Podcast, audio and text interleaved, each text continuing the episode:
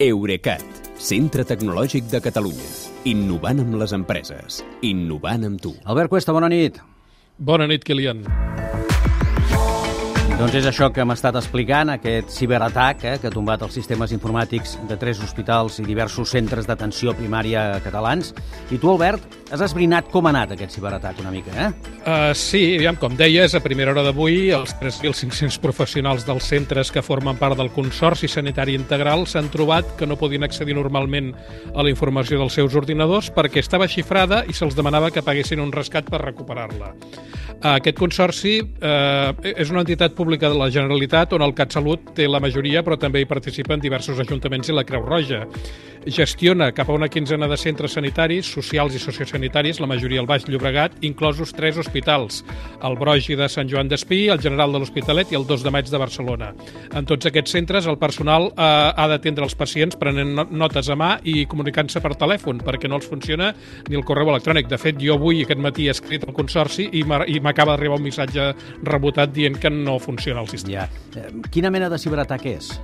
Eh, és del tipus ransomware, eh, que n'hem parlat moltes sí, vegades, hi ha massa, tant. probablement, sí. que fa servir algun ordinador de la xarxa corporativa per propagar-se i infectar els servidors amb un programari maliciós que xifra les dades de manera que per recuperar-les cal una clau de desxifratge que els delinqüents suposadament et proporcionaran si els pagues un rescat, generalment en criptomonedes, perquè costi més de rastrejar-los. En aquest cas, es tracta d'un ransomware que s'anomena uh, Ransom EXX, que funciona amb la modalitat de ransomware com a servei. Vol dir que el ciberatac no, és, no el fan els programadors del, de l'aplicació, sinó algun altre ciberdelinqüent que els hi lloga els recursos.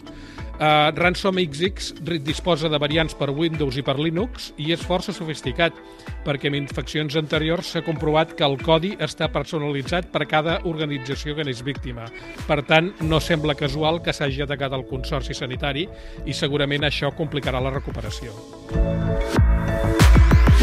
I aquest tipus de ransom, ransom IXX, eh? em sembla que, és de, que, que deies, és conegut?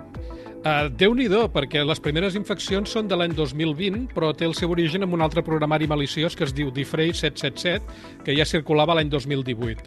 En els dos últims anys, el Ransom X, e, és que no sé com massa com dir-ho, Ransom EXX, sí. ha, ha atacat sobretot als Estats Units, a França i al Brasil, i la d'avui és probablement l'afectació més greu que ha, casat a que ha causat a l'Estat, perquè fins ara no sortia a Espanya amb la llista dels països atacats.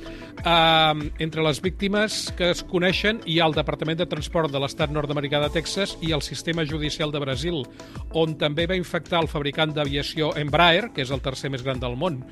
I una de les víctimes més recents ha sigut l'empresa italiana de cotxes Ferrari. Aquests dos últims casos responen al mateix perfil, companyies industrials, que de fet són 6 de cada 10 de les víctimes atacades en ransom EXX. Molt per sota també hi ha institucions educatives i bancs, però fins ara les sanitàries no han sigut rellevants. Quines conseqüències pot tenir eh, si, si es poden calcular una mica aquesta, aquesta situació, aquest atac, aquest ciberatac? Aviam, eh, la veritat és que si ens hem de guiar pel cas de Ferrari no pinta gens bé, perquè en aquell cas no només van segrestar els ordinadors de l'empresa, sinó que abans de fer-ho es van endur 7 gigabytes de dades que després han posat a la venda a la web fosca. Potser perquè Ferrari no va acceptar l'extorsió. Uh, si aquí fan el mateix, no estaríem parlant de dades de cotxes de luxe, sinó de dades sanitàries dels ciutadans, i això ja fa més por. Sigui com sigui, l'Agència de Ciberseguretat de Catalunya s'ho està mirant intensament. Escolta'm, i què has de fer si pateixes un ciberatac com aquest? Uh, aviam, uh, tens, sobretot tens tres opcions. La primera és pagar el rescat, però les autoritats ho desaconsellen perquè tampoc tens garantia de que et, et tornin el que, el que, el, allò que és teu. La segona opció és provar de desxifrar les dades sense la clau mestra que els delinqüents et volen vendre, però aquesta infecció en concret, pel, pel, que, pel que llegeixo, sembla ser força difícil de revertir.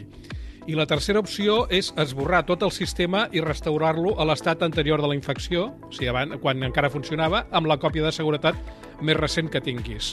I si ja sabem el que costa això a l'ordinador de casa, imagina't amb una xarxa de milers d'ordinadors. Jo sí que jo em temo que aquest cap de setmana hi haurà una colla d'informàtics fent hores extres. Doncs, mentrestant, nosaltres farem una cosa, creuarem els dits. Gràcies i que vagi bé. Fins dilluns, que li han cap de setmana. Eurecat Centre Tecnològic de Catalunya. Innovant amb les empreses. Innovant amb tu.